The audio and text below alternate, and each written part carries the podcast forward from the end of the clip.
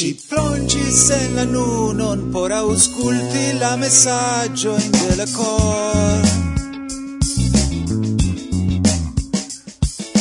Fermis la fenestro in por malcovri la mistero in della sol.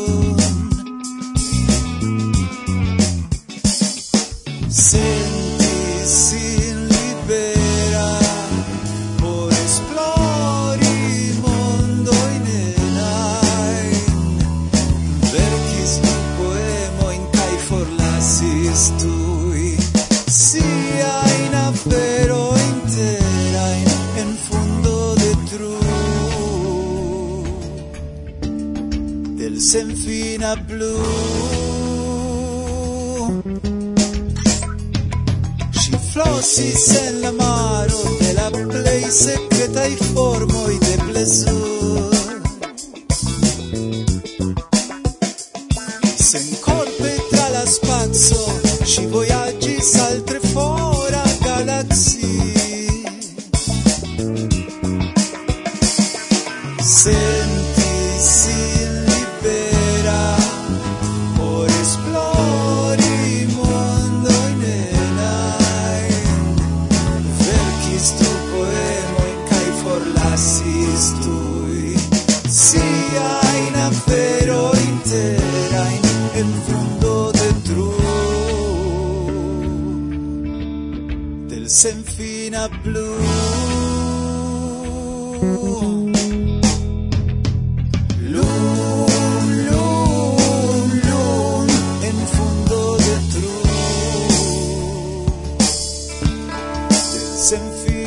blu Ŝi flosis en la maro de la plej sekretaj formoj de plezuro Se corpe tra la spazio Ci voyaggi al trifo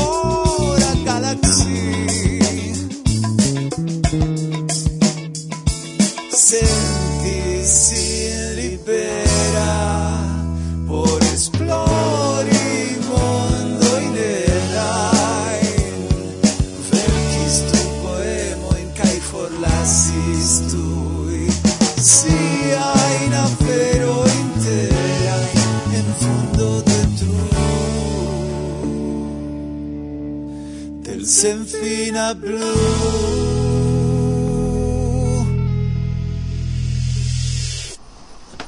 Antaŭ mi estas libro blua kun verda akcento kompreneble ĉar mm, temas pri Esperanto kaj mi ŝatus unue demandi vin kio estas propra metodo instruado sen turmento. Tio estas tre simpla afero. Existas diversaj metodoj en kiuj oni volas instrui lingvon, tiel ke oni ne rimarku ke ili lernas la lingvon, sed ili ludu, ili solvu diversajn verajn taskojn kaj tiel plu, Kai per tio ili lernu la lingvon, sed neniam ili sciu, ke ekzemple la celo de tiu exerco estas ke ili lernu tion aŭ ĉi tion. Neniam ili ĉiam devas okupiĝi pri io plejparte gaja aŭ almenaŭ interesa. Estis nur eble sola afero, kiam mi parolis en Japanio Antau tio mi estis en multaj landoj, prelegis pri multaj temoj kaj ĉiam la dialogo estis tie, ke miaj paroloj elvokis vigligion, ridon kai tiel plu, kai mi atendis tion en Japanio. Kai kion mi vidas? Ili ciui sidas kun ŝtonaj visagioi, ne moviĝas, ne eligas ec unu sonon, Kai tio min šokis, ĉar mi pensis, ke estis la unua fojo, ke mi parolas kai neniu interesiĝas pri tio, kion mi parolas. Kai kiam finidžis la prelego, subite ili revividžis. Ili komencis demandi, fari saĝen demandojn, ne hazardajn demandojn. La mienoj montris iujn emociojn kaj tiel plu, kaj mi pensis, bo, se al ili ne plaĉis, simple ne estus demandoj en en similaj situacioj la homoj simple gentile dankas kaj punkto fino.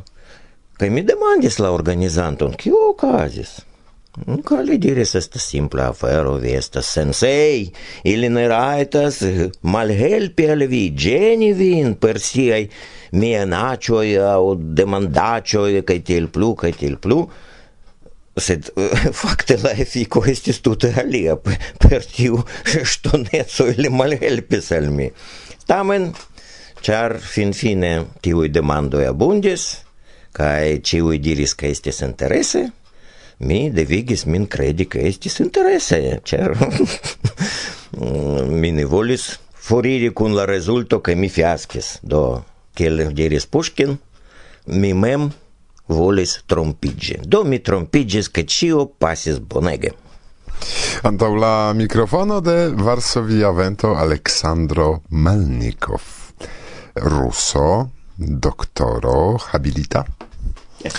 Pri lingvistiko, kiu babiligas per disertacio, kiu montris kial kaj kiel Esperanto eblas produkti, konservi kaj transigi culturajoin. Pri kio estas tiu via? Libro, verko au simple lerno libro, char pri esperantai vortoi kun humuro kaj serioze kiel tion kompreni? А, чиу компрена сия маниере, кај цетере компренебле тиу либро естас провизори ласта, almenaŭ mi esperas, kaj la ideo estis sufiĉe simpla. Unue mi volis verki ion plian por la kursoj interlingvistikaj kursoj, ĉar tie ili havas tiun temon leksikologio do scienco pri la vortoj kaj esprimoj kaj simile.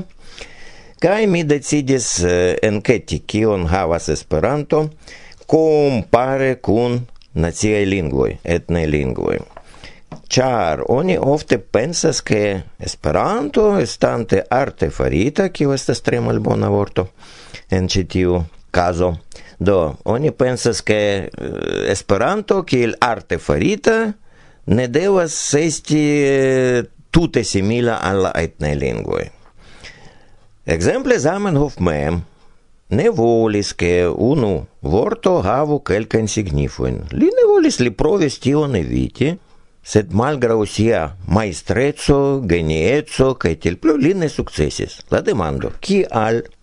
Tre simple, char, mi ciam diras, che Esperanto kiel proiecto, estas artefarita, sed ekde en sociiĝo tio signifas ekde uzado en certa grupo, gi estas lingvo, sed ne plu artefarita, cae tio tre gravas.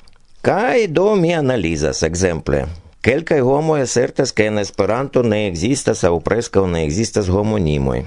Mi diras, jes, ekzistas. Tre simpla ekzemplo. Mi ciam estes diplomito au diplomoto, kai neniam diplomato. Do estas clara exemplo de homonimo diplomat o kai diplomat o. Kiam Zamenhof electis radicoin, li volis ke la radicoi ne estu homonimai sed poste estis uzado de lingvo kai en la tekstoj aperis homonimoj. En la lingvo ili ne estis, en la teksto ili aperis kaj tio estas neevitebla. char Esperanto estas nun ordinara ni diru el la vidpunkto de la leĝoj, ĉu ĝi obeas al lingvae legioi au ne. Gi ja obeas, ca el tiu vid puncto gi estas ordinara lingvo, kiel ciu alia etna lingvo usata en la samai sferoi. ca eh, malgrau tio, che Zamenhof ne volis tion, tio okazis. Alia afero, multai pensas, che se Esperanto estas artefarita, tio signifas, che oni povas gin plibonigi, kai estas unu el la kialoj pro kio en Esperanto, pli ĝuste en Esperantio, abundas reformemaj homoj. Ĉiu lingvo ŝanĝiĝas kaj devas ŝanĝiĝi, alie ĝi mortos, sed eh, estas malsamaj aferoj ŝanĝiĝo kaj reformoj kiuj venas, ĉar mi tion volas. Sia tempo estas granda diskuto, ĉu oni rajtas uzi i do Rusio, Sovetio, Polio ankaŭ povus esti, Danio kaj tiel plu. Au oni nepre devas diri kiel pledas Renato Corsetti rusoj loĝas en Rusujo kaj do estu nur ui. kaj la akademio malrekomendis uzadon de i en tiu ĉi kazo. Kion faris la popolo? Uzas.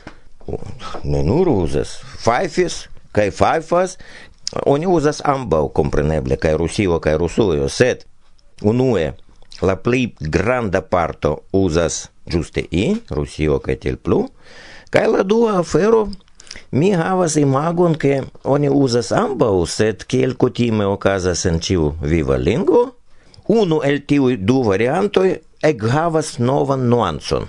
Ekzemple, persone por mi Rusujo estas lando, antaŭ eble cent jaroj kaj tiel plu. Jes. Tio ne estas mia teorio, estas mia sento, ĉar mm. mi ne povas pruvi tion. Sed kio estas leĝo? La leĝo estas estas du absolute samaj rimedoj. Unu el ili aŭ malaperas aŭ ekhavas nuancon. Do ĉikaze laŭ mi ĝi ekhavas nuancon. Kaj se temas pri io malnova, mi emas diri Rusujo, Britujo, kaj tiel plu, kaj tiel plu, sed kutime pri la moderna vivo mi parolas kun i. Do same kiel polujo estis antaŭ dua mondmilito, sed nun ne estas polio, sed pollando, yes. ĉar poloj pli ŝatas tiun kun metaĵon, polo kaj lando, ĉu ne pollando. Eh, yes, kiam mi diris polio, eble vi rimarkis, ke mi eghezitis, ĉar eh, eble mi renkontis ie, sed ne certe, tamen tio estas grava. Sed Rusio sonas tre bone, Hungario sonas tre bone, kaj ankaŭ Italio. Temas verŝajne pri tradicio. Gravas ne nur ĉu ekzistas tiu vorto entute, sed ĉu oni ofte uzas ĝin. Oni uzas ankaŭ la vorton polio sed multe pli oni uzis kaj uzas Pollando, sama kiel Finlando oni diras, jes, Pollando, Finlando. Tio estas eh, vere grava, la ofteco, kaj inter alie, se ni parolas pri tio, tuj venas asocio neologismoj. Kiam oni parolas pri neologismoj, la homoj kiuj ne multe enprofundiĝis en tiun problemon, ili faras demandon Simila demando nun estas en la politica sfero. Kies estas Crimeo? Kaj tiu demando estas malfacile respondebla. Sed la sama afero estas ĝuste pri neologismoj. Se oni demandas min, ĉu vi estas por aŭ kontraŭ? Mi estas nek nek, ĉar dependas de tio kia neologismo konkrete. Ĉiu lingvo, se estas viva lingvo, kapablas esprimi ĉion Sed la diferenco estas kion ĝi devas esprimi. Volas ĝi esprimi tion aŭ ne volas. Ekzemple, en la rusa lingvo se temas pri verboj en paseo, do pasinteco, ni ne povas kaŝi, ĉu temas pri viro kiu faris ion aŭ virino kiu faris ion. Kaj en kelkaj Крим романoj estas grave kaŝi tion, kaj ekzemple la hungara lingvo ĉirilate estas pli bona, ĉar ĝi kaŝas. Mi ie legis, che estas iu romano, vi tralegis duonon de la romano, oni multe prescribis tiun personon, kiu crimis, sed vi daure ne scias, ĉu estas lia aŭ. En la rusa tio neblas.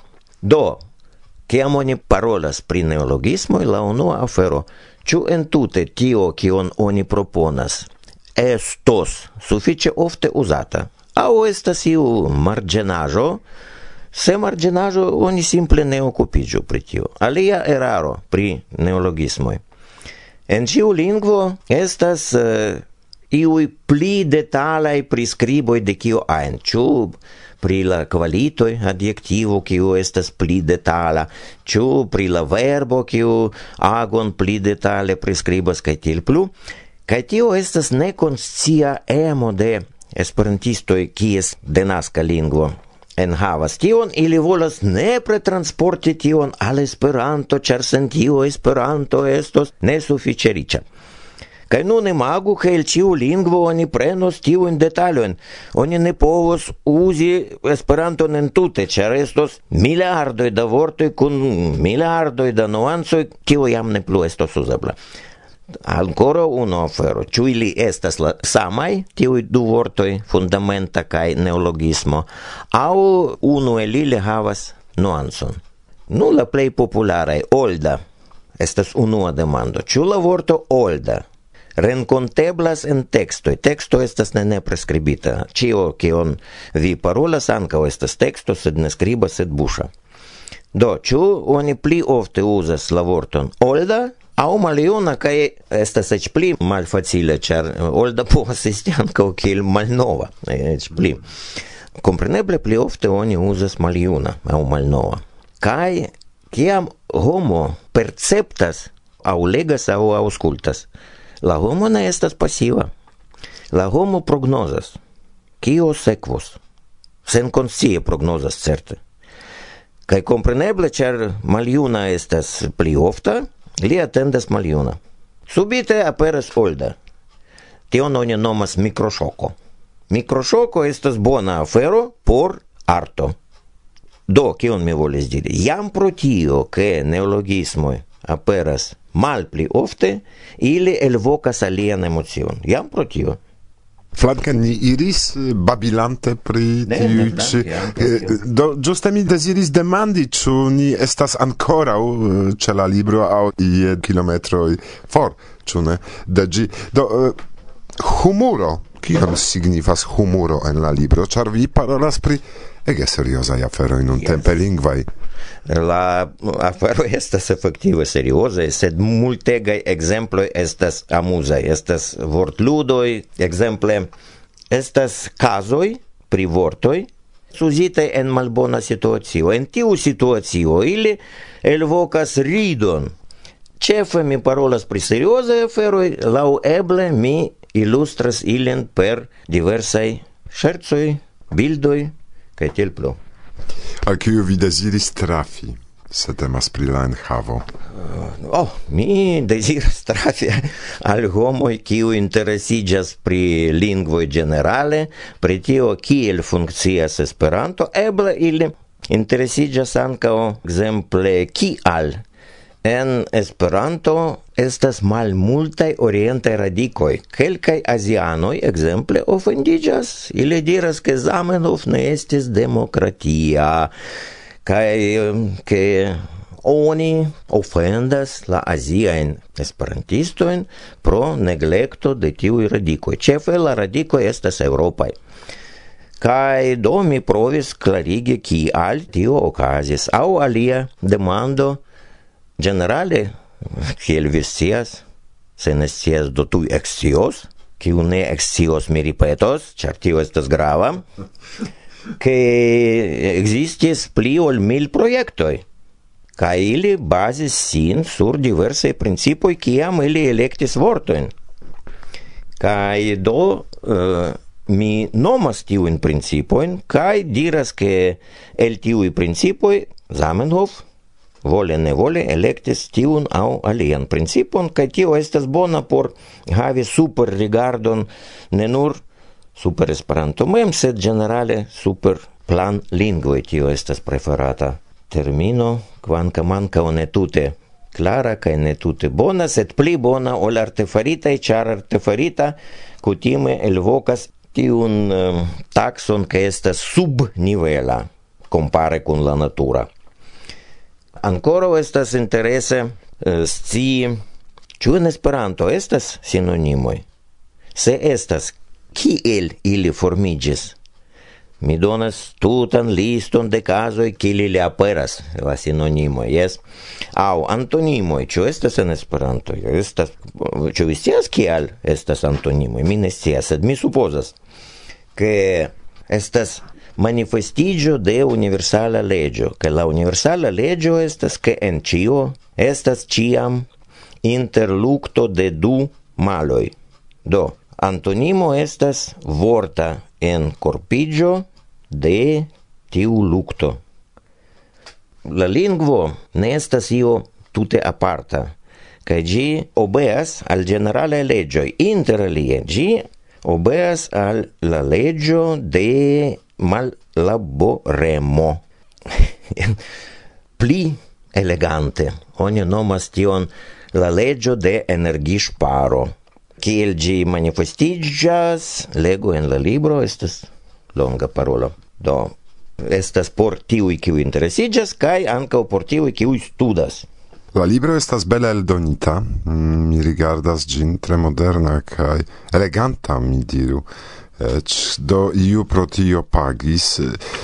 Mi pensas pri tio, che la laboro kiun vi dedicis por aldoni la libro ne rekompensiĝos eh, se temas pri financoj. Do vi mem subtenis eh, probable tion kai ĉu vi rericevos lau via opinio mm, tiun investon kiun vi faris? Eh, ĝis nun mi ciam rericevis, char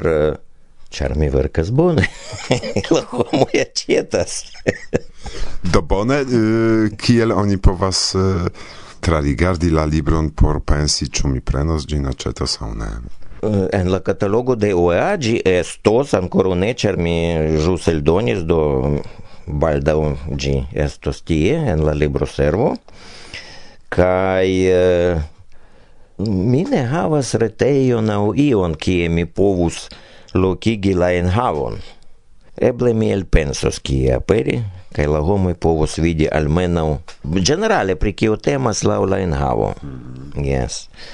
Nu, kompreneble kiam mi prelegas, mi dismetas malfermas la bazaron, ĉar eh, kutime post miaj prelegoj oni ion aĉetas.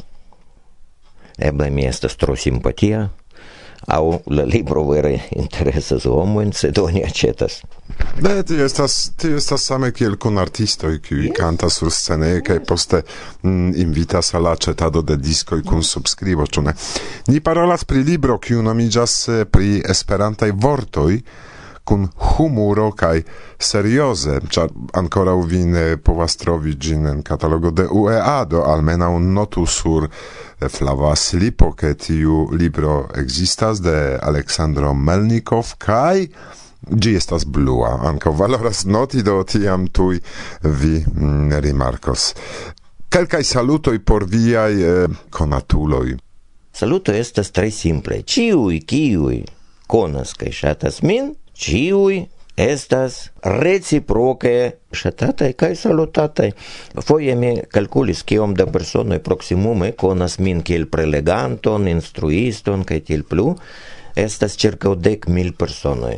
Bedaŭrinde mi ne memoras ĉiujn dek mil personojn laŭnome, eĉ laŭvizaĝe ne, sed eh, al ĉiuj el ili mi deziras ion bonan interalie, pli clerigi per miei libroi. Do inter tiu dec mil personoi anca estas mi, mi esperas coran dankon pro la microfona rencontigio. Reciproce dankon al vi pro tio, che vi audigis mien pensoin, kai iomete racontis, cer facte tio estas problemo presente libroin. Simple, ne estas kie, la catalogo ne multe presentas. do serčunitijun salvančunem. Varsovija vento. Kaj Aleksandro Melnikov. Bla bla. Blu.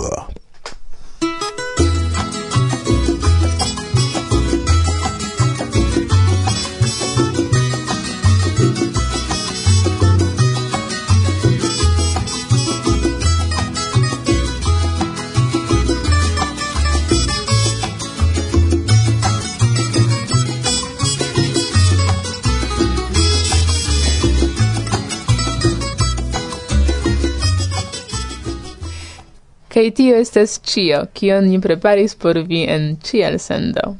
La sekvan programon, kiel ni jam menciis, serĉu fine de la septembro post Arcones.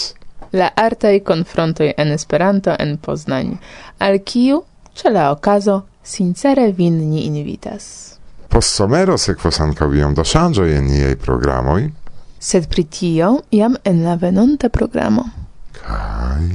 Kaj ciam la plei bonan al vi, carai. Uzu la someron por set esperantumi cae riposi. Au vintron. Au vintron, yes. Gis la baldaŭa laŭdo do. Gis!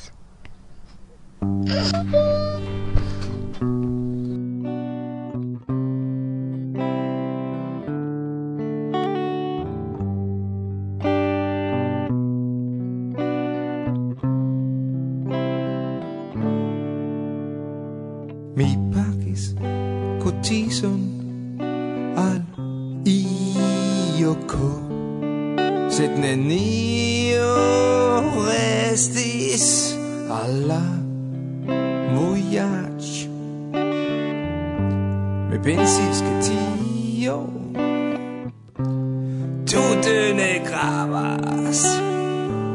Ca iris alla voyage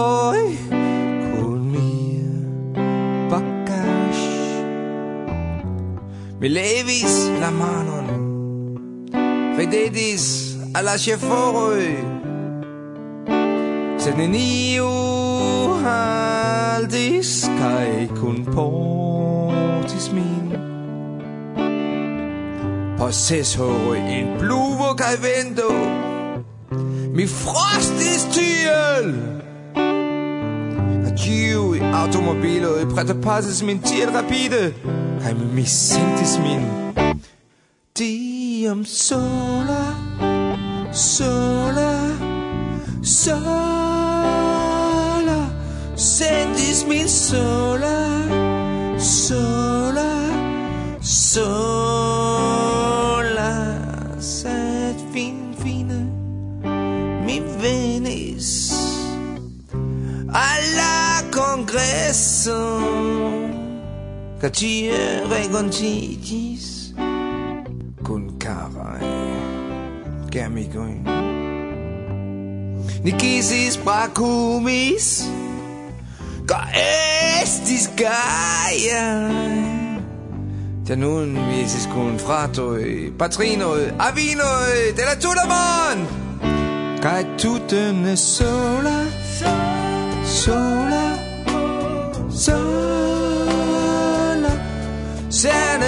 sola, sola, sola.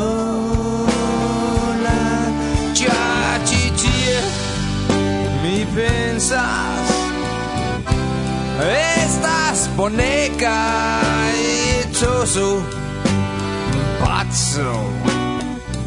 Kai amicetso, kai mi speras, che neniu sin sentas malgaja, malbela, malamada kaj sale ne sola, sola.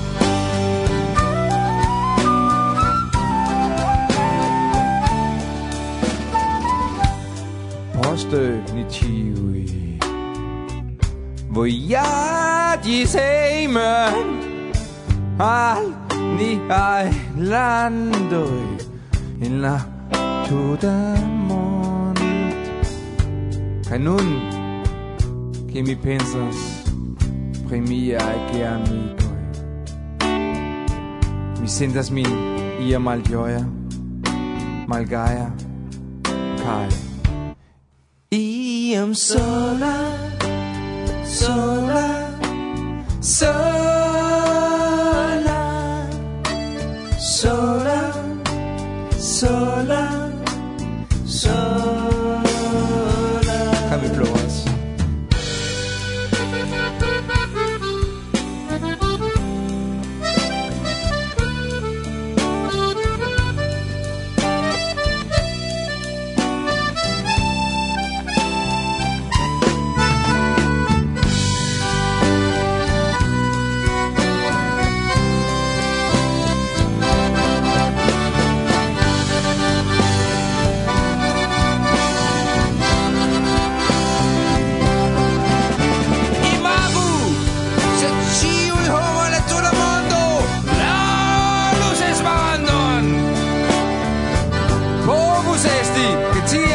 En